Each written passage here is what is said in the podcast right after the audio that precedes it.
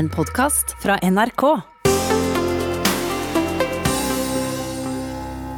Velkommen tilbake til debatt i P2.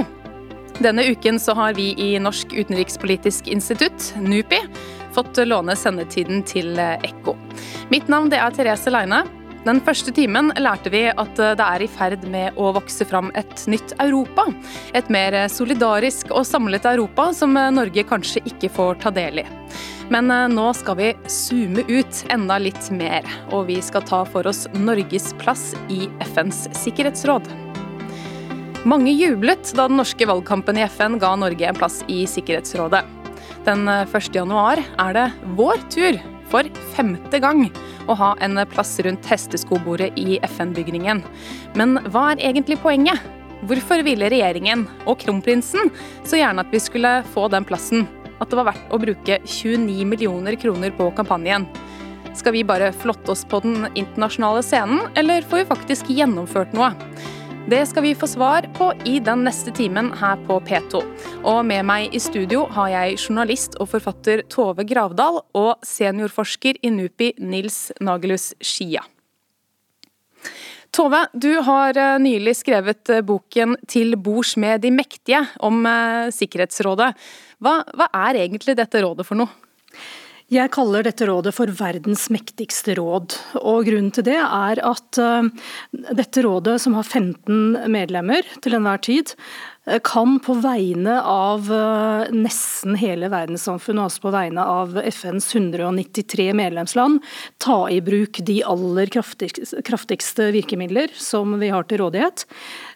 Rådet kan erklære krig eller ta, ta, i bruk militære maktmidler overfor ett eller flere land. Rådet har også mandat til å blande seg inn i et lands indre anliggender, innføre sanksjoner f.eks. Og pålegge et land forbud mot å handle med våpen med omverdenen. Og det her kan gjennomføre ganske inngripende tiltak overfor medlemslandene. Mm. Og Hvordan er det satt sammen? Det er altså fem vetomakter som eh, var på den seirende siden etter andre verdenskrig, da FN ble opprettet. USA, Sovjetunionen den gang, som nå er Russland, og Kina. Og Frankrike og Storbritannia har fast plass i rådet. Det betyr at de kan nedlegge veto mot uh, resolusjoner og andre, uh, andre beslutninger de er uenige i. Eh, og så er det til enhver tid ti valgte medlemmer som sitter eh, i to år av gangen, og som representerer da hele medlemsmassen i eh, FN. Og hver region i verden har liksom en andel av disse plassene, da, og Norge tilhører en gruppe som, da, den, som er den vestlige verden, som har to plasser til disposisjon i Sikkerhetsrådet. Mm. Og Hva er formålet med Sikkerhetsrådet? De skal ivareta freden i verden. Fred og sikkerhet er Sikkerhetsrådets eh, ansvar. Og de skal gjøre det de kan for å stanse krig, for å opprettholde fred.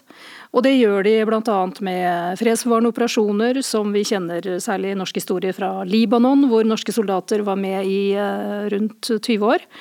Og de kan gjøre det ved å selv ta i bruk eller eh, legitimere at, eh, at vi bruker militærmakt for å stanse f.eks. Altså Irak-krigen. Da, da, Irak invaderte Kuwait i 1990, så, så legitimerte jo Sikkerhetsrådet at eh, verdenssamfunnet kunne bruke våpenmakt for å tvinge Irak til å trekke seg ut av Kuwait igjen. Mm. Nils, du gjorde feltarbeid i Sikkerhetsrådet sist eh, Norge var medlem. Hva følte du første gang du kom inn i Sikkerhetsrådssalen? Hmm, ja, nei, uh, ja, jeg gjorde antropologisk feltarbeid som ho ung hovedfagsstudent da, på uh, Norges rolle i Sikkerhetsrådet. Og, uh, kanskje det mest, mer vanlige antropologiske feltarbeidet er å reise til en stillehavsøy eller noe sånt nå. Sikkerhetsrådet ble min øy. Eh, og da jeg kom dit som, som relativt ung, så, så, var jo det med både en sånn ærefrykt og nysgjerrighet da, å komme inn i den salen. Eh, den er jo, FN-bygningen er spesiell i seg selv, men, og den salen er kanskje liksom eh, selve kjernen av FN-bygningen. Så jeg syns at det var, det var, veldig, veldig spesielt, og jeg følte på alt som var i veggene der. Alle diskusjonene, alle forhandlingene som har blitt stoppet opp eller kommet gjennom. Eh, eh, jeg syns jo eh, da, og fortsatt, at det, det er veldig altså det er, det er, For å bruke litt store ord, da. At det er fantastisk at vi har et sånt rom, og at vi har et sånt forum som Sikkerhetsrådet er som i sin ufullkommenhet og stadig søken etter å bli bedre i en verden som endres, gjør alt det kan, da, hvis vi legger godvilja til, så, eh, for, å, for, å, gjøre verden til et bedre sted. Mm. Og Nils, da du gjorde feltarbeid, da intervjua du Tove? Det stemmer. Hun var en av de første da jeg kom dit som, og følte meg litt eh, fortapt og banket på den norske delegasjonen. Eh, og var med på morgenmøtene der og sånn også. Så var Tove en av de første jeg snakket med og tok meg med ut på kaffe og spanderte kaffe på meg og fortalte litt om, om hvordan dette her var. Da. Og Tove, hva var din rolle i Sikkerhetsrådet sist Norge var medlem? Jeg var ansatt som presseråd på den norske FN-delegasjonen høsten 2002, da Norge sist satt i rådet. og Det var en veldig dramatisk høst.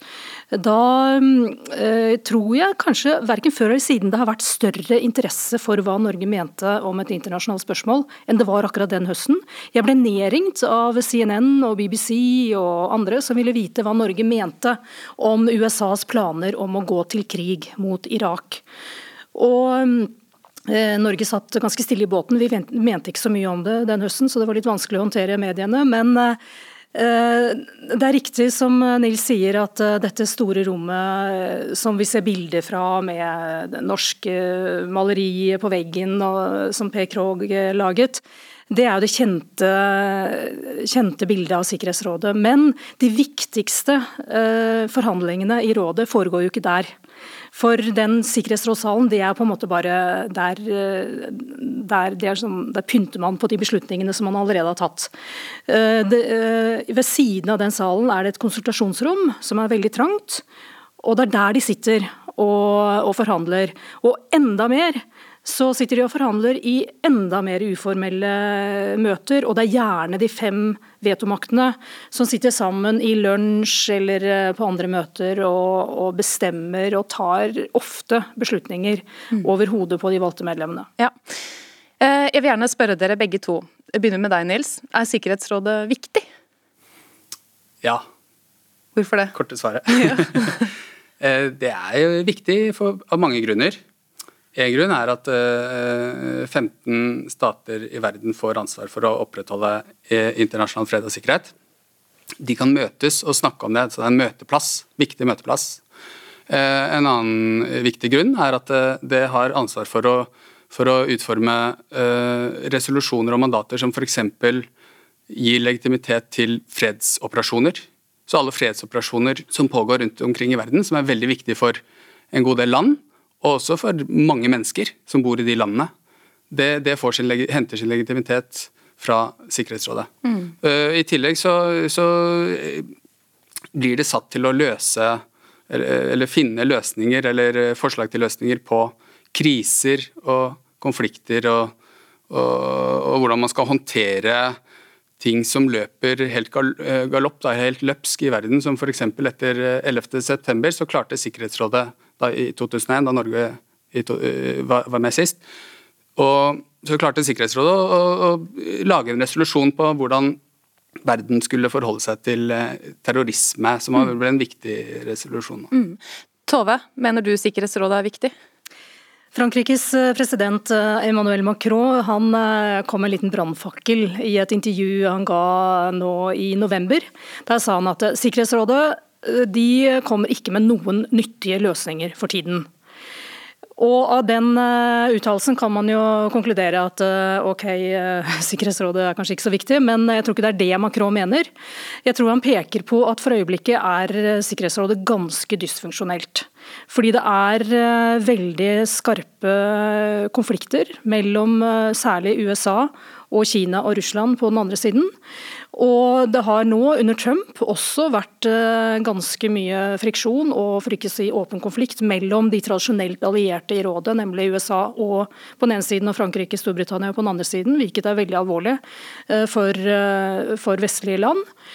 Men på den andre siden så har Nils helt rett i at Sikkerhetsrådet er jo eh, kjempeviktig. Det er det beste vi har. Og vi skal ikke underslå det faktum at fem atommakter sitter sammen rundt dette bordet. De snakker sammen. Og det må da være mye bedre enn at de ikke gjør det, med risiko for til og med atomkrig.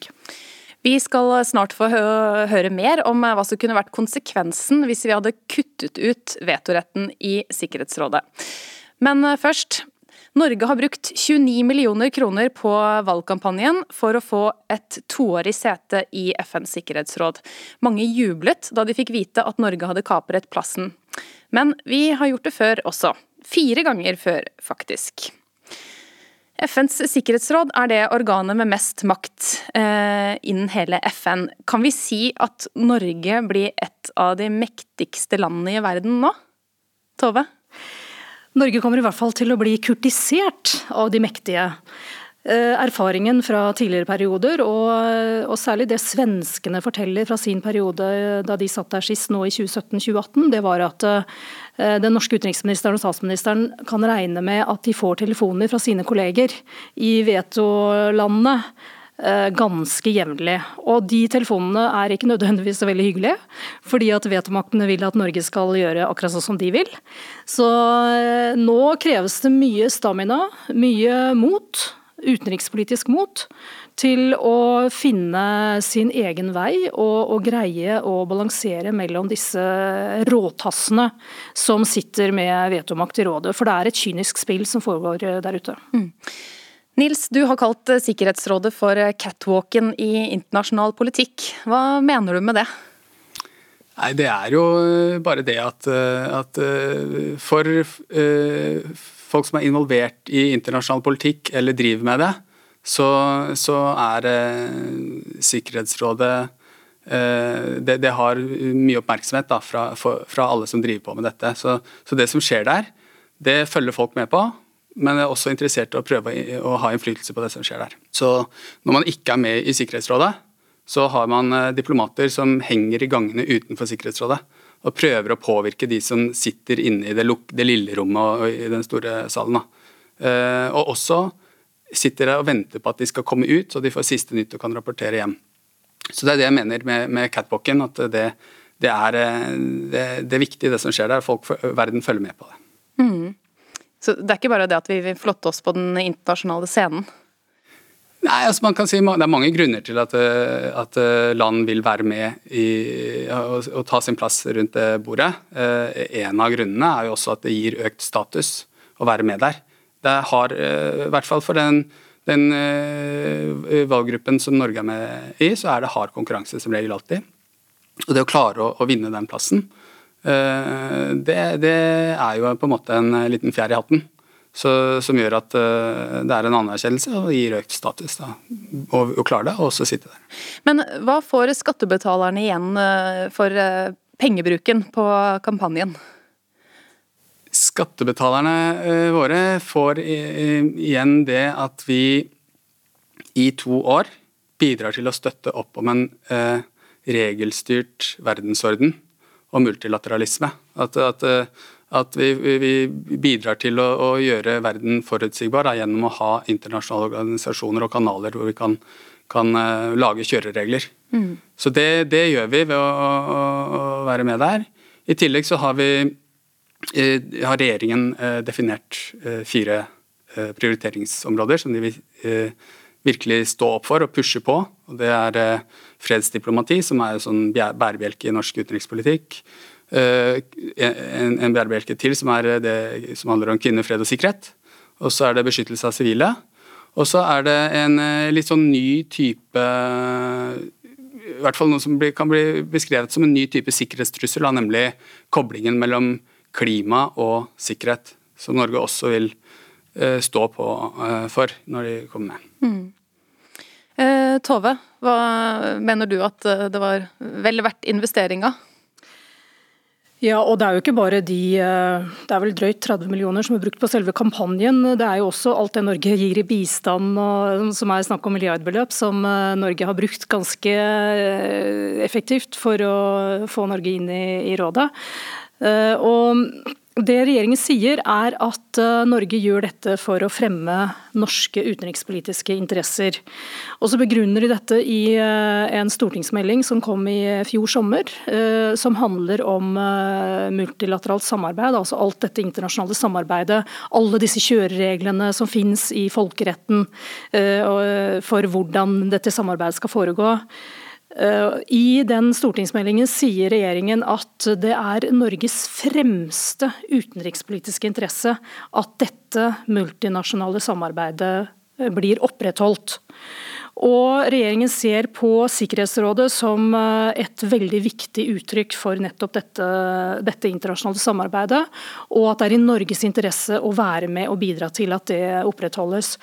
Og og Grunnen til at eh, dette multilaterale samarbeidet er viktig for Norge, det er jo fordi at eh, ja, f.eks. Eh, så er det jo innenfor FN at vi forhandler frem grenser i havet. Det foregår f.eks. For forhandlinger om grenser på havbunnen, hvor det nå har startet hard konkurranse, det er innledet hard konkurranse om hvem som skal utnytte mineraler som ligger på havbunnen. Og Mye av den havbunnen er internasjonalt farvann, det er ikke definert hvem som eier den. Og Sånne ting foregår i FN-regi. og Hvis eh, ikke det fantes internasjonale organisasjoner som eh, forhandlet frem sånne løsninger, så ville jo Norge bare tape. Mm. Vi er fem millioner mennesker. Og jungelloven tilsier at den som er sterkest, vinner. Mm. Og Hvis vi skal ha noe å si når det gjelder kontroll i Arktis osv., så, videre, så må vi ha sånne internasjonale kjøreregler som eh, regulerer forholdet mellom landene. Mm. Kritikerne sier at vi kan risikere å komme i noen skikkelig spagater med vår frykt for å bli satt i den kinesiske fryseboksen på den ene siden, og vår forpliktelse til å ivareta menneskerettighetene på den andre siden. Og til det så svarer statsminister Erna Solberg til NRK. For det jeg mener det er en plikt som vi har å faktisk bidra til denne globale verden og ta på oss ansvar også i vanskelige saker. Det er ikke sånn at det er en bare glade dager på jobb når man sitter i, sitter i Sikkerhetsrådet, fordi det er vanskelige saker. Men tror man på de internasjonale organenes betydning, tror man på folkerettens betydning, tror man på Sikkerhetsrådets betydning for fred, forsoning, for å være konfliktforebyggende, ja, da må man faktisk også være med på å ta belastningen det med å delta i beslutningsorganet, og ikke regne med at andre skal ta belastningene. Ja, Tove og Nils, hva slags dilemmaer helt konkret er det vi kan komme borti? Skal jeg ta, gå først? Eh, nei, altså vi kan eh, eh, komme borti dilemmaer som har setter eh, interesser eh, på den ene siden og verdier eh, på den andre siden. vi kan komme i, bli nødt til å ta stilling til ting hvor vi er uenige med USA eller uenige med Kina. Men, eh, men, det er jo på en måte eh, Norge en, en, viktig ting med norsk utenrikspolitikk er å ha en klar og konsis og forutsigbar utenrikspolitikk. Så det vi mener om ulike saker, det kommer ikke som noen overraskelse på stormaktene når vi kommer inn i Sikkerhetsrådet og sitter der og diskuterer med dem. Mm. Så det, det, det, blir ikke noe nytt og noe aha-opplevelse for dem. Men det er klart at her skal det eh, bestemmes ting og besluttes ting, og da, da kan det bli tøffe tak. Det, det bli. Men alternativet er jo ikke, syns jeg, da, eh, å si at eh, ok, her kan vi bli uenige med, med sterke stormakter. Så Derfor bør vi bare holde oss hjemme og, og la noen andre ta seg av det. Det er bedre å sitte der og, og snakke med de og, og, være med i forhandlingene. Mm. Tove, hva slags eh, spagat eh, ser du for deg at kan dukke opp i Sikkerhetsrådet for Norges eh, vedkommende? Jeg er veldig spent på hva Norge kommer til å stemme i spørsmålet Israel-Palestina f.eks. Det er et tema som er på Sikkerhetsrådets spor kontinuerlig. Eh, det bringes på dagsorden av den til enhver tid sittende arabiske representanten i rådet. Og Det som skjedde forrige gang, det var at Norge to ganger stemte, eller lot være å stemme over resolusjoner som fordømte israelske handlinger. Til tross for at Norge egentlig var enig i innholdet. Men av hensyn til alliansen med USA, så lot vi være å stemme fordi USA nedla veto mot disse resolusjonene. Eh, vi vet at selv om eh, Biden-administrasjonen kommer til å stå nærme, nærmere Norge utenrikspolitisk enn eh, en Trump, så er likevel USA en veldig sterk alliert for Israel i Sikkerhetsrådet. Så der blir det spennende å se hva Norge kommer til å si. Andre, et annet viktig spørsmål er hva Norge kommer til å gjøre når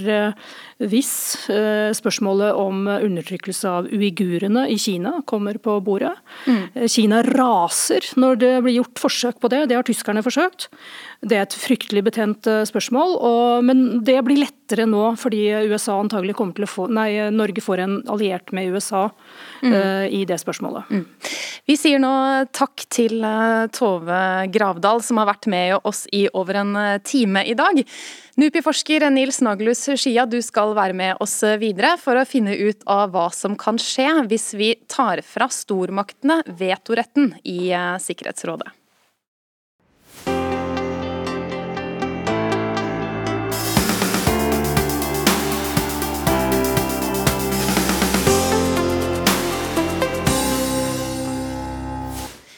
Dette er NRK P2, og i dag så er det Norsk utenrikspolitisk institutt, NUPI, som har fått låne sendetiden til Ekko for å lage debatt i P2. Mitt navn er Therese Leine, og den neste halvtimen så skal vi snakke om vetoretten i Sikkerhetsrådet. De fem faste medlemmene i Sikkerhetsrådet de har vetorett. Det er USA, Kina, Russland, Storbritannia og Frankrike. Hvorfor skal de bestemme mer enn andre land i verden? Det skal vi straks få svar på. Jeg har hatt med meg NUPI-forsker Nils Nagelhus Skia en stund, og nå kan jeg også ønske velkommen til vår kollega ved NUPI, Kari Osland. Kari og Nils, dere har begge forsket på Sikkerhetsrådet, eh, og kan helt sikkert eh, forklare oss. Hva, hva betyr det å ha vetorett? Kari? Altså Det innebærer i praksis at dersom eh, en av de fem faste medlemmene av Sikkerhetsrådet sier nei til en resolusjon, så blir den ikke vedtatt. Eller sagt på en annen måte, så må eh, en av de faste fem eh, medlemmene enten stemme for eller avstå for å stemme eh, for at en resolusjon skal bli vedtatt. Det høres jo urettferdig ut. Hva, hva hadde skjedd hvis jeg hadde tatt fra disse landene vetoretten, Nils? Nei, det kan man jo egentlig bare spekulere i. Men, men kanskje egentlig ikke bare spekulere, faktisk. Fordi det er kanskje to spesielt, Jeg vil trekke fram to grunner til at eh, vetoretten er der. da. Og Det ene er fordi det er seierherrene etter andre verdenskrig, så de sto i særstilling for å definere hvordan Sikkerhetsrådet skulle utformes. Så det, er liksom, det henger igjen etter det. Men den andre er også en veldig viktig eh, grunn, og det er eh, lærdommen man gjorde seg fra Folkeforbundet. Eh, som ble opprettet etter første verdenskrig og avviklet etter færre enn tre tiår, etter 25 år ca. Eh, og det man lærte seg der, var at eh, der, der, var alle land med, og alle land hadde hver sin stemme, og ingen land sto i en særstilling. Og Folkeforbundet, ja, USA trakk seg ut av Folkeforbundet nesten med en gang det ble opprettet. Eh, så man fikk ikke med seg stormaktene. Og, og da ble Folkeforbundet spilt på sidelinjen i viktige saker, og der hvor det var konflikt rundt omkring i verden. Og det ble rett og slett irrelevant. Og, det, det, har jo foreløpig ikke skjedd med Sikkerhetsrådet. Nå har, det, nå har vi hatt det i 75 år, så ganske mye lenger enn tre ganger så lenge som, som Folkeforbundet eksisterte. Og Mye av grunnen til det er kanskje at uh, stormaktene har nettopp dette, denne vetoretten og også den permanente det permanente medlemskapet. Mm. Hva tror du Kari, kan vi legge ned Sikkerhetsrådet hvis ikke stormaktene har eh, vetorett? Ja, jeg er egentlig helt enig i det Nils sier her. Jeg tror altså, det var i etterkant av Folkeforbundet, eller som den erfaringen da, som Nils pekte på, så var det jo den balansegangen mellom å finne liksom et demokratisk system som fungerte, og, og som på mange måter jo blir ivaretatt av generalforsamlingen, der hvert land har én stemme. Men jeg tror det er helt riktig at dersom ikke eh, vetoretten var der, så ville ikke stormaktene ha brukt eh, Sikkerhetsrådet og FN som de gjør i dag. Så skal det jo legges til at eh, disse fem vetomaktene ikke bare var seierherrene etter andre verdenskrig, men de var også atommaktene. Det betyr mye. Mm. Men er det de riktige landene som har vetorett? Hva med f.eks. India eller Tyskland? Det, det, det, er ikke så lett å, å, endre på komposisjonen i Sikkerhetsrådet, nettopp pga. at de fem faste har vetorett og kan blokkere en endring. Så man kan diskutere om det er riktig, eh, og den diskusjonen pågår, og er kanskje kommer til å pågå så lenge vi lever, i hvert fall, tenker jeg. Eh, India og Tyskland altså de, de, mener vel begge to at de burde ha en plass. Eh, India, hvis de skulle hatt en plass, så ville Pakistan ment at de skulle hatt en plass. Uh, Tyskland uh, er oftere medlem enn mange andre land, nettopp pga. at de får en, de er, det er anerkjent at de, de, er en stor makt. Så, sånn sett så kanskje de Eh, fornøyde med det. Men det å utvide vetoretten til andre land, det tror jeg ikke er veldig sannsynlig at kommer til å skje. Hva tror du, Kari? Nei, altså nettopp av den grunn som, som Nils påpeker, at vetomakten selv må beslutte å avgi makt på et vis. da, men og så har jo, som, som Nils sier, også denne debatten pågått i veldig mange tiår. og Det er klart for det at eh, et av de Afrik altså det er ikke noen afrikanske land som har fast plass. Det er også eh, urettferdig, kan man si. da, mm. men, men, så er det jo sant, det er vanskelig å åpne dette opp. fordi hva skulle kriteriene være? Skulle det være størrelse på landet, antall innbyggere? Eh, skulle det være at de har eh, atomvåpen? Så, så, det er mange kriterier her, men, men, eh, om det siste skulle være et kriterium, så vil jo India ha stilt seg høyt. Og så kan jeg kanskje legge til at i 2004 så gikk eh, Storbritannia eh, Brasil, India og Tyskland sammen og, og, krevde egentlig at de skulle få vetorett i Sikkerhetsrådet. Og dette stemte da Storbritannia og, og Frankrike for. Mm. Eh, det å ha vetorett det gir jo også enda mer makt enn det det skulle tilsi. Det er det du som har forska på, Nils. Hva mener du med det? Jo, altså, litt, Noe av det første jeg fikk høre da jeg begynte å, på feltarbeidet mitt, å snakke med folk som jobbet i Sikkerhetsrådet, diplomater og, og, og sånn, eh, det var at uh, man må, er nødt til å forstå kulturen og, og arbeidsformen og, samhandlingen i Sikkerhetsrådet for å skjønne hvordan det egentlig fungerer. Eh, så jeg begynte å se på det.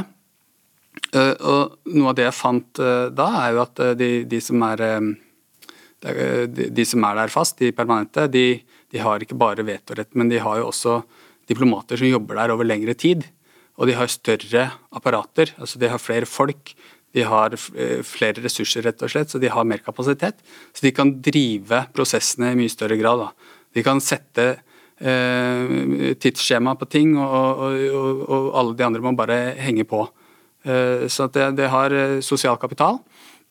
I tillegg så kan man beskrive forskjellen mellom de faste og de valgte, som at de, de, de, de faste landene er på en måte repeat players, og, og de, valgte er one-shotters. Det vil si at de har ulike stakes i hver sak. sånn at hvis det er en sak som er oppe eh, når Norge er med, så er bare, har Norge kanskje bare én sjanse til å få gjennom sin vilje på mm. den saken. Mm. Mens for USA eller Storbritannia eller Frankrike eller, eller, Russland eller Kina, så kan den saken de kan trenere den og så kan den komme opp igjen senere. og De kan liksom eh, endre på ting og, og sånn. Så det, er, det, er, det er, står mer på spill for de valgte enn for de faste. Det er også en, med på å uh, påvirke det. Kari, er du eh, enig i at småstater som Norge som blir valgt inn i Sikkerhetsrådet, ikke har eh, så mye makt? Altså det er klart at Om du sammenligner det med de store som har vetorett, så har ikke Norge og andre småstater så mye makt. Men dette er relativt. Eh, om vi ser på andre småstater som har sittet i Sikkerhetsrådet, f.eks. Sverige, Luxembourg og New Zealand, så ser vi at det faktisk er mulig å oppnå noe. Eh, alle de nevnte landene var penneholdere for Syria humanitært i Sikkerhetsrådet mellom 2014 og 2018. og var med på å etablere og videreføre resolusjon 2165 om grensekryssende humanitær assistanse. Og Vi ser også at Sverige satte spor når det gjelder kvinners rettigheter, når de satt i rådet. Mm. Da sier vi takk til deg, Nils Nagelhus Skia, seniorforsker ved Norsk utenrikspolitisk institutt. Kari Osland, du skal være med oss videre i sendingen. Vi har også nå hørt at selv om vetoretten i Sikkerhetsrådet kan virke urettferdig, så er det lite sannsynlig at vi hadde hatt et handlekraftig internasjonalt organ om stormaktene ikke hadde hatt eh, denne muligheten. Det viktigste virkemidlet sikkerhet, som Sikkerhetsrådet har eh, til å gripe inn i og gjøre forskjell, det er gjennom sine fredsoperasjoner. Vi skal snart få høre fra en norsk kvinne som ble sendt eh, alene ut i jungelen for å bidra for FN i et land hun ikke engang visste hvor lå på kartet. Men først skal vi lære litt mer om fredsoperasjoner. Og det er det du som skal hjelpe oss med, seniorforsker i NUPI, Kari Osland. Hva, hva er en fredsoperasjon? Ja, eh, En fredsoperasjon er på mange måter FN og Sikkerhetsrådets fremste virkemiddel eller det, det kraftigste verktøy i verktøykassa for å hindre krig og konflikt og fremme fred. Og um, FNs fredsoperasjoner de kjennetegnes ved tre grunnprinsipp. For det første at man har samtykke fra de stridende parter. For det andre at man er upartisk, noe som ikke må forveksles med nøytralitet. Og for det tredje at man ikke bruker makt, med unntak av i selvforsvar eller for å forsvare mandatet. Mm. Eh, og hvem er det som eh, sender ut eh, disse styrkene? Det er FNs sikkerhetsråd som beslutter at man skal sende ut styrker til et land. Men det er FNs medlemsland som avgir styrker til disse operasjonene. Og i dag så er de største troppebidragsytende landene det er Rwanda, Senegal, Egypt, Bangladesh, Nepal osv. Det er altså i hovedsak land i sør. Ja, Men Norge, da? Norge bidrar også, og har gjort det siden fredsoperasjonenes begynnelse. Men der har det gått litt i, i bølger i forhold til hvor store bidragene har vært. Ja, Men hva kjennetegner konfliktene hvor FN bestemmer seg for å iverksette en fredsoperasjon? Hmm. Det er, det er, gjerne konflikter med altså et åpenbart behov for internasjonal assistanse, og hvor man, hvis man skal bruke FN-språket, hvor man skal hindre en konflikt i å spre seg, mm. og hvor man skal passe på at det ikke truer internasjonal fred og sikkerhet. Og, og så må det jo i tillegg da være nok enighet i det internasjonale samfunnet, og uttrykt da gjennom Sikkerhetsrådet om sånn type innsats. Mm. Eh, og hvem er det som er med på, på operasjonene? Altså Den største gruppen som, som, deltar, er soldater, men i tillegg så bidrar både politi og sivile. Og vi ser jo det at ansvarsområdet eh, har utvikla seg enormt siden fredsoperasjonenes eh, begynnelse fram til i dag. Fra veldig sånn enkle mandat til veldig komplekse, store mandat. Mm. har Norge både soldater og politi og sivile ute? Norge eh, har alle disse tre grupperingene representert ute. Og, fra begynnelsen og fram til i dag så har Norge hatt ca. 60 000 nordmenn og kvinner ute i tjeneste. Hva gjør de når de er der? Altså, I dagens operasjoner så uh, man, man, kaller ofte disse mandatene for at, uh, for, at de har blitt sånne uh, juletremandat, som betyr at de favner om alt mulig som man kan tenke seg. Og Hovedfokuset er likevel fortsatt å monitorere, sånn som det var i, i de tidlige dager. Også rapportere, men overvåke grenseområder. Eh, I nyere tid så er det blitt mer og mer fokus på beskyttelse av sivile. Man skal fremme kvinners rolle. Man trener eh, og opplærer mm, politi, militært personell. Og generell eh, kapasitetsbygging, rett og slett. Mm. Hjelper FNs fredsoperasjoner? Har de noen effekt? Altså, det er ikke noe tvil om at de som har vært ute, yter viktige bidrag til fred og sikkerhet der de er. Men om det internasjonale samfunnet i liksom stort har bidratt til fred i disse områdene, er en mye mer sammensatt diskusjon. Og det varierer veldig fra operasjonsområde til operasjonsområde. Um, hvis, hvis, det er tid, så kan jeg gå inn på noen funn som vi har gjort i et stort forskningsprosjekt uh, som vi har. Mm. Ja. Um, det er et prosjekt som heter Effectiveness of Peace Operations, der vi samarbeider med 40 um, institutt og universitet i hele verden og ser på nettopp dette. da. Og, og, litt sånn overordna og kort fortalt, så vi, har vi sett at uh, fredsoperasjonene i Kongo, i Den sentralafrikanske republikk og i Mali har hindra utbrudd av borgerkrig og storskala konflikt. Mm. Men samtidig så har de ikke lyktes med å gjøre slutt på det man kaller for lavskala konflikt. Det har de rett og slett ikke hatt verken ressurser eller kapasitet til å gjøre. Mm. Er det noen utfordringer med disse fredsoperasjonene? Ja, altså For å starte et sted, for det er fryktelig mange utfordringer, så eh, er det ikke alltid så lett å overholde disse tre grunnprinsippene i FNs fredsvaring. Altså dette med samtykke, upartiskhet og ikke bruk av makt utenom i selvforsvar. I tillegg så er det veldig ofte et problem at det mangler en politisk plan. Og så mangler det nok støtte fra de lokale eller nasjonale myndighetene, slik at man rett og slett mangler det som handler om eierskap på disse reformprosessene. Og så mm, vil mange hevde at disse reformprosessene, da, som FN og andre internasjonale aktører prøver å bidra til, de er veldig ofte svært inngripende. Altså, det er ikke alltid at det, form, nei, at det innholdet man reagerer på, altså dette med å fremme demokrati og menneskerettigheter. Noen reagerer også på det, men det er veldig ofte formen. Altså at man kommer med et sånt kondisjonalitetsprinsipp, som det heter. da. Hva betyr det? nei, Det betyr rett og slett at uh, man sier at hvis ikke du gjør dette, så uh, får du ikke disse midlene. Sånn at man kobler det veldig ofte opp til bistand. Mm.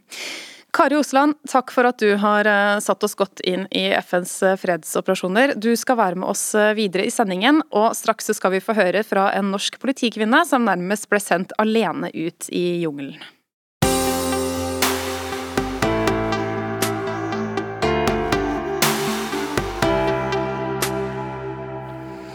Dette er eh, NRK P2, og i dag så er det Norsk utenrikspolitisk institutt som får lage debatt i eh, P2. I tillegg til NUPI-forsker Kari Osland, så har vi nå også fått med oss Ann Kristin Kvilekval fra Politihøgskolen. Velkommen. Takk. Ann Kristin, i dag så er det du som er ansvarlig for å lære opp norske politifolk som eh, skal delta i FNs fredsoperasjoner. Men selv, for 20 år siden, så ble du bare kasta ut i det. Eh, og det begynte med en litt overraskende telefonsamtale. Hva var det du ble spurt om?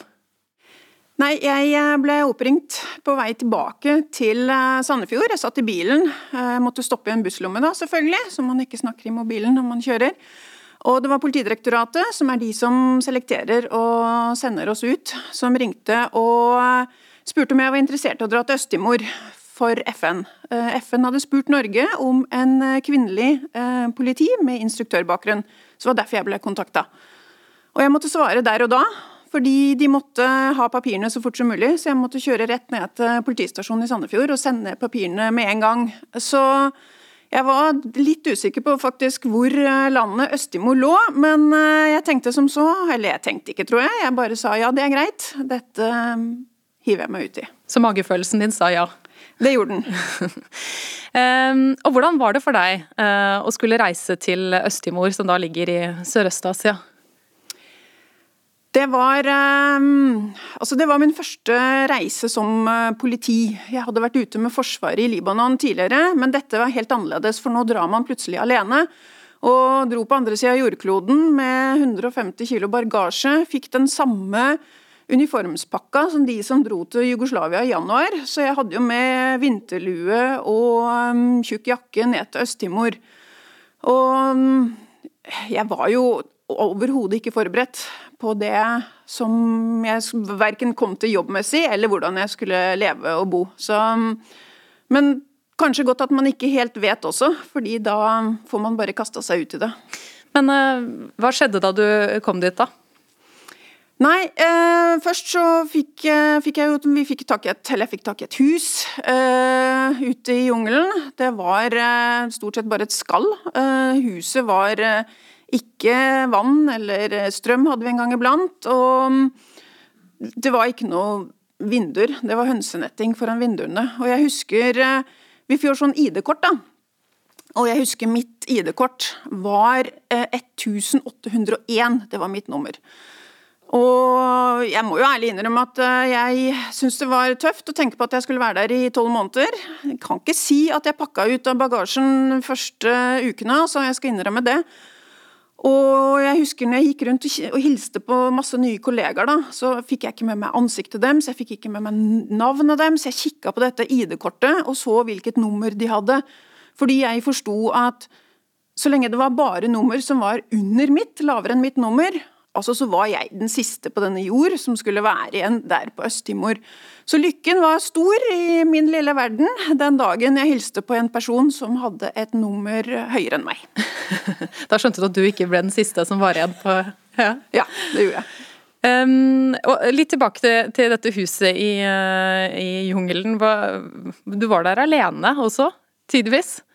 Ja, det var jeg. Vi var uh, Tidvis så var vi to norske, og så dro han andre hjem, og da var jeg alene der. Um, og det var um, Altså, Øst-Timor på den tiden, i 2000, det var jo ingenting.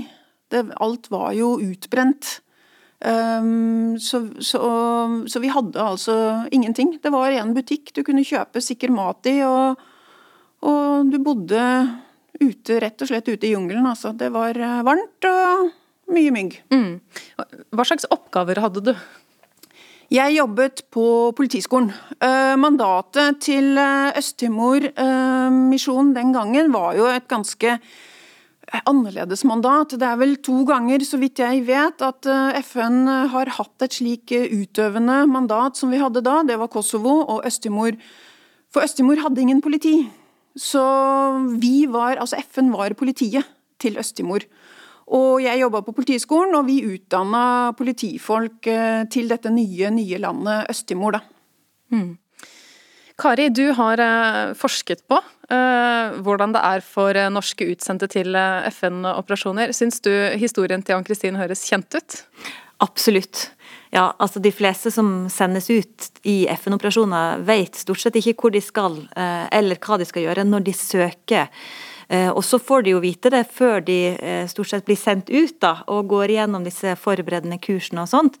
Um, og det er klart at Dette systemet gir jo FN en del handlefrihet, men, men, eh, det er etter min mening en stor svakhet. Altså Både for å sikre at du får beste, de beste folkene til de ulike stillingene, altså noen med spesialkompetanse, men også for å kunne forberede, altså at hvert enkelt individ kan forberede seg på best mulig måte. Mm. Men får man gjennomført uh, noe uh, for FN når, uh, når, man bare blir kasta ut i det på den måten om å klare seg selv? Kari? Ja, altså denne undersøkelsen som jeg gjorde, der jeg tror også Kristin var en av som svarte, det var Vi spurte rett og slett de som hadde vært ute av norsk personell fra, fra 1998 til 2016, om erfaringene. Og, og, det viser seg jo at de som drar ut, er svært motiverte for å gjøre en god jobb. Um, og men der spurte jeg jo bl.a. om de selv følte at de bidro til å endre på en måte politidelen av oppdraget. Og da var det mange som mente at eh, det, var, det, var, vanskelig å se det. Og det er klart at det er vanskelig å se. Det er en liten komponent i et større hele. Men så spurte jeg jo også om de opplevde at de fikk utført sine oppgaver, de daglige oppgavene. Og det svarte veldig mange bekreftende på. Og at de følte at de gjorde en forskjell i forhold til sin lokale politistasjon eller de man trente og mentorerte. Mm. Ann-Kristin, hva slags følelse sitter du igjen med nå, etter eh, oppholdet i Øst-Timor for 20 år siden? Føler du at du fikk gjort noe positivt for landet? Ja, helt klart. Eh, jeg syns jo det er utrolig givende når jeg f.eks. her for et par år siden var på en stor politikonferanse i New York, hvor alle politidirektører i hele verden samles, og politidirektøren fra Øst-Timor kjenner man jo, for han var jo fra klasse to, tror jeg. Og det er jo som Kari sier, at altså, vi er ute i ett år. Maks to år. Så det er hele tida rotasjoner på personell. Ikke alle er godt uh, trent før de kommer, og kjenner kanskje ikke veldig til mandatet og oppgavene de skal til. Men, og ting tar tid. Det er kanskje det som, som jeg personlig syns er vanskelig. Fordi at du klarer ikke se så, så, mye endringer når du er der, men de kommer kanskje seinere. Hvis du følger med på landet senere, så ser du utviklingen, og det ser vi jo bl.a. på Øst-Timor. Og jeg må jo si at uh, mitt uh, lyseblå politihjerte det blei veldig varmt uh, en dag jeg var i Kosovo, i Pristina, noen år etter Øst-Timor. Jeg var med i en plangruppe når FN-operasjonen gikk over til EU-operasjonen i, i, Kosovo. Og Jeg gikk hjem til hotellet en kveld, og bak meg kom to løpende som ropte navnet mitt. Og Det viste seg å være to politifolk fra Øst-Timor som hadde på FN-beret og nå tjenestegjorde i Kosovo. Og I dag så lærer du opp politifolk som skal ut på FN-oppdrag. Hva er kanskje det viktigste du lærer dem? Vi har mye fokus på mandat, mandatforståelsen. At du skal forstå hva du skal gjøre, og ikke minst forstå hva du ikke skal gjøre. For når du er politi ute i en fredsoperasjon, så er du ikke du er ikke politi, du gjør ikke de politioppgavene som man gjør hjemme. Og det er vanskelig å legge av seg. Så vi har mye fokus på det, og ikke minst uh, har jeg masse fokus på at folk må gjøre hjemmeleksa si. De må forberede seg. Det er ikke alt som uh, blir lagt opp i hendene på dem. Det, det, det, er en prosess å dra ut og dra bort fra familien i over et år. Og det, det må hver enkelt uh, gå gjennom. Mm. Etter Øst-Timor så, så, har du også vært i Afghanistan eh, flere ganger. Du har uh, også vært leder for politienheten på Kypros. Du, du ble ikke skremt bort fra FN-oppdrag? Nei, vi mennesker er heldigvis skrudd sammen sånn at det som var litt sånn uh, vanskelig, det glemmer vi. Og så kommer det toget foran tærne dine en gang til, og så hiver du deg på. Og jeg må si jeg, Grunnen til at jeg har dratt ut, er at jeg har vært utrolig heldig å få så spennende og utfordrende oppgaver ute, hvor du føler at man kan gjøre noe. Og får, da, da, får man så mye tilbake, og det er da du gjerne drar ut igjen. Mm. Anbefaler du andre å gjøre det samme? Helt klart. Hvorfor det? Fordi det gir masse personlig. Eh, du sitter med venner i, over hele jordkloden. Og du får virkelig lov til, hvis du, hvis du, benytter deg av sjansen, så får du virkelig lov til å gjøre noe fantastisk interessant, og du gjør noe for mennesker. Eh, det gjør man jo hjemme i politiet også, men det er på et, et helt annet nivå når du er ute. og, og du, du, lærer mye av å jobbe med politifolk og kollegaer fra kanskje 40-45 nasjoner. Mm. Ann Kristin, du har jo, som vi har snakket om, vært med på flere fredsoperasjoner i regi av FN. Hvordan har det vært for deg å være kvinne i disse situasjonene? Ja, til tider eh, er det jo øh, en utfordring fordi at øh, kollegaer kommer kanskje fra medlemsland som, hvor man ikke er vant til å ha kvinner som, i politiet, som er operative. Det ofte har de kvinner i politiet, men de jobber gjerne innenfor human resources-søylen eller etterforskning, mens, mens, vi her i Norge er operative. Vi er vant til å å fikse og ordne sjøl. Og, og, det er klart, det, det, er ikke sånn i alle land. Så får du en sjef som ikke syns det er det rette, så blir det noen småkamper. Mm. Det gjør det. Kari Osland fra NUPI og Ann-Kristin Kvilekval fra Politihøgskolen. Vi skal nå snakke om nettopp kvinner i freds- og forsoningsarbeid. FN-resolusjon 1325 om kvinner, fred og sikkerhet er 20 år i år. Eh, og er en av hovedprioriteringene til Norge i Sikkerhetsrådet de neste to eh, åra. Ann-Kristin, du har som sagt jobba med det her på nært hold. Eh, på hvilken måte har du sett at kvinner må være tettere på fredsarbeidet? Nå er det vel en gang sånn at uh, i de fleste land så er 50% kvinner. Og da sier det seg egentlig selv at du må ha kvinner innenfor alle deler av, uh, av samfunnet, også politiet.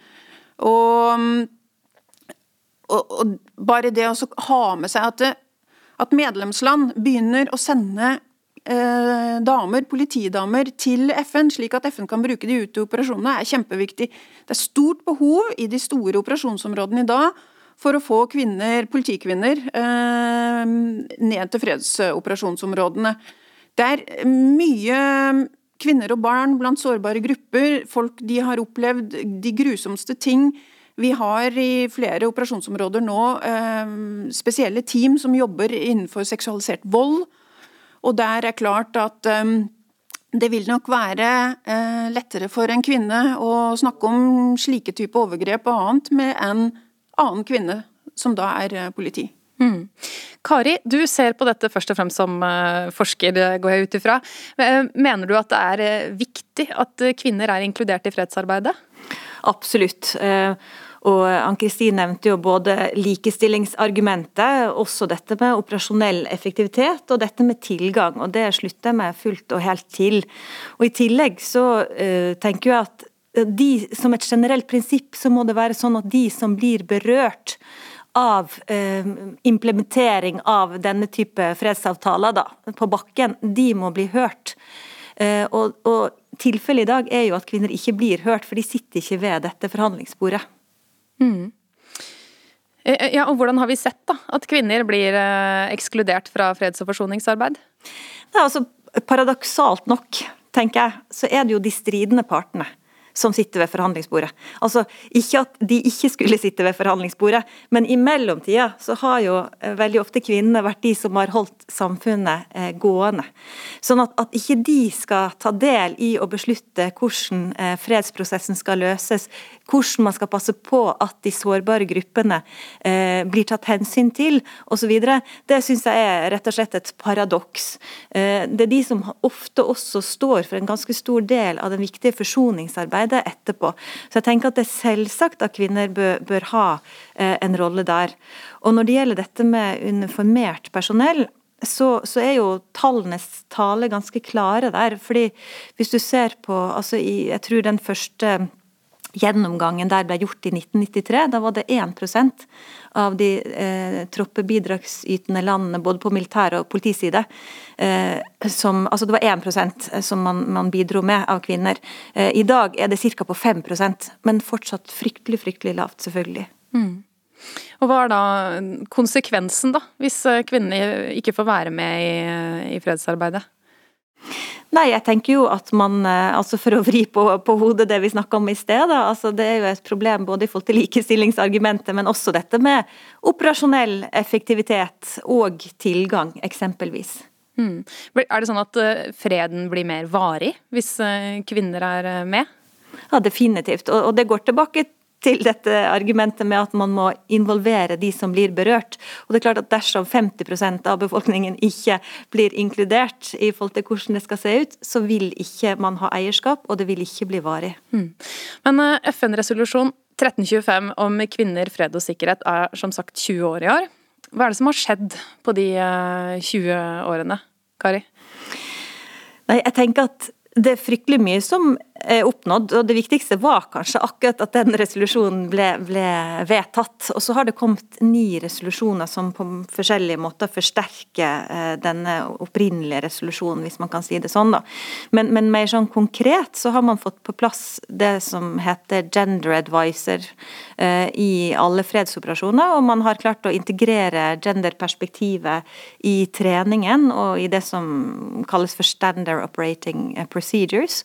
Og så har man man fått eh, kanskje særlig på plass en del regelverk knytta til seksualisert og kjønnsbasert vold. Mm. Ann-Kristin, ser du noe endring siden du var på Øst-Timor for 20 år siden og fram til i dag? Ja, helt klart. Eh, noe av det har jo Kari vært innom. Eh, men, men, dette her med antall kvinner som blir sendt ut, er, der går prosentandelen bare opp, heldigvis. FN har også fokus og hatt det de siste årene på å å rekruttere kvinner i lederstillinger. Eh, både innenfor eh, sivil, eh, militær og politisøyla ute, og det tror jeg er veldig viktig. Det gir et sterkt syn overfor både de landene vi opererer i, internt i FN og, og utad i alle foraer. Så, så, jeg ser helt klart en veldig positiv tendens der. Mm. Har det bare gått i riktig retning, Kari? Uh, nei, det tror jeg ikke. Altså, jeg tror at det, sånn, det, har gått på en måte jevnt oppover når det gjelder antallet, sånn som Ann Kristin eh, peker på. Men i 2015 så ble det gjort en stor sånn gjennomgang av hva man hadde oppnådd på de da 15 årene som hadde gått.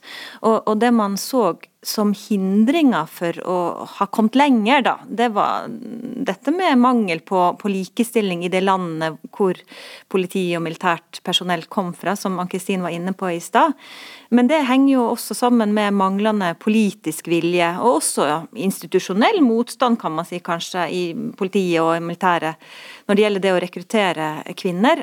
Som igjen henger sammen med en, ganske sånn stereotypisk forståelse av kjønnsroller, mm. blant annet.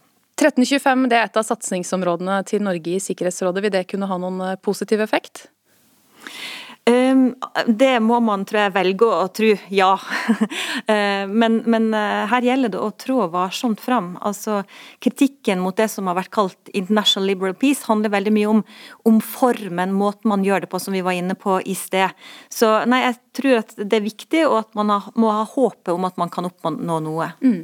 Tusen takk til dere, seniorforsker ved NUPI, Kari Osland, og Ann-Kristin Kvilekvall fra Politihøgskolen.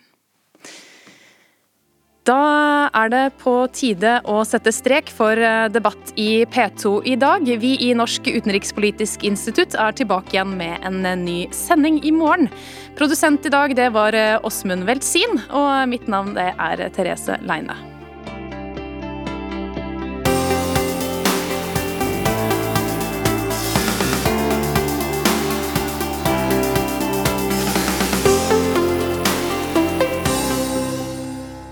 Du har hørt en podkast fra NRK. Hør flere podkaster og din NRK-kanal i appen NRK Radio.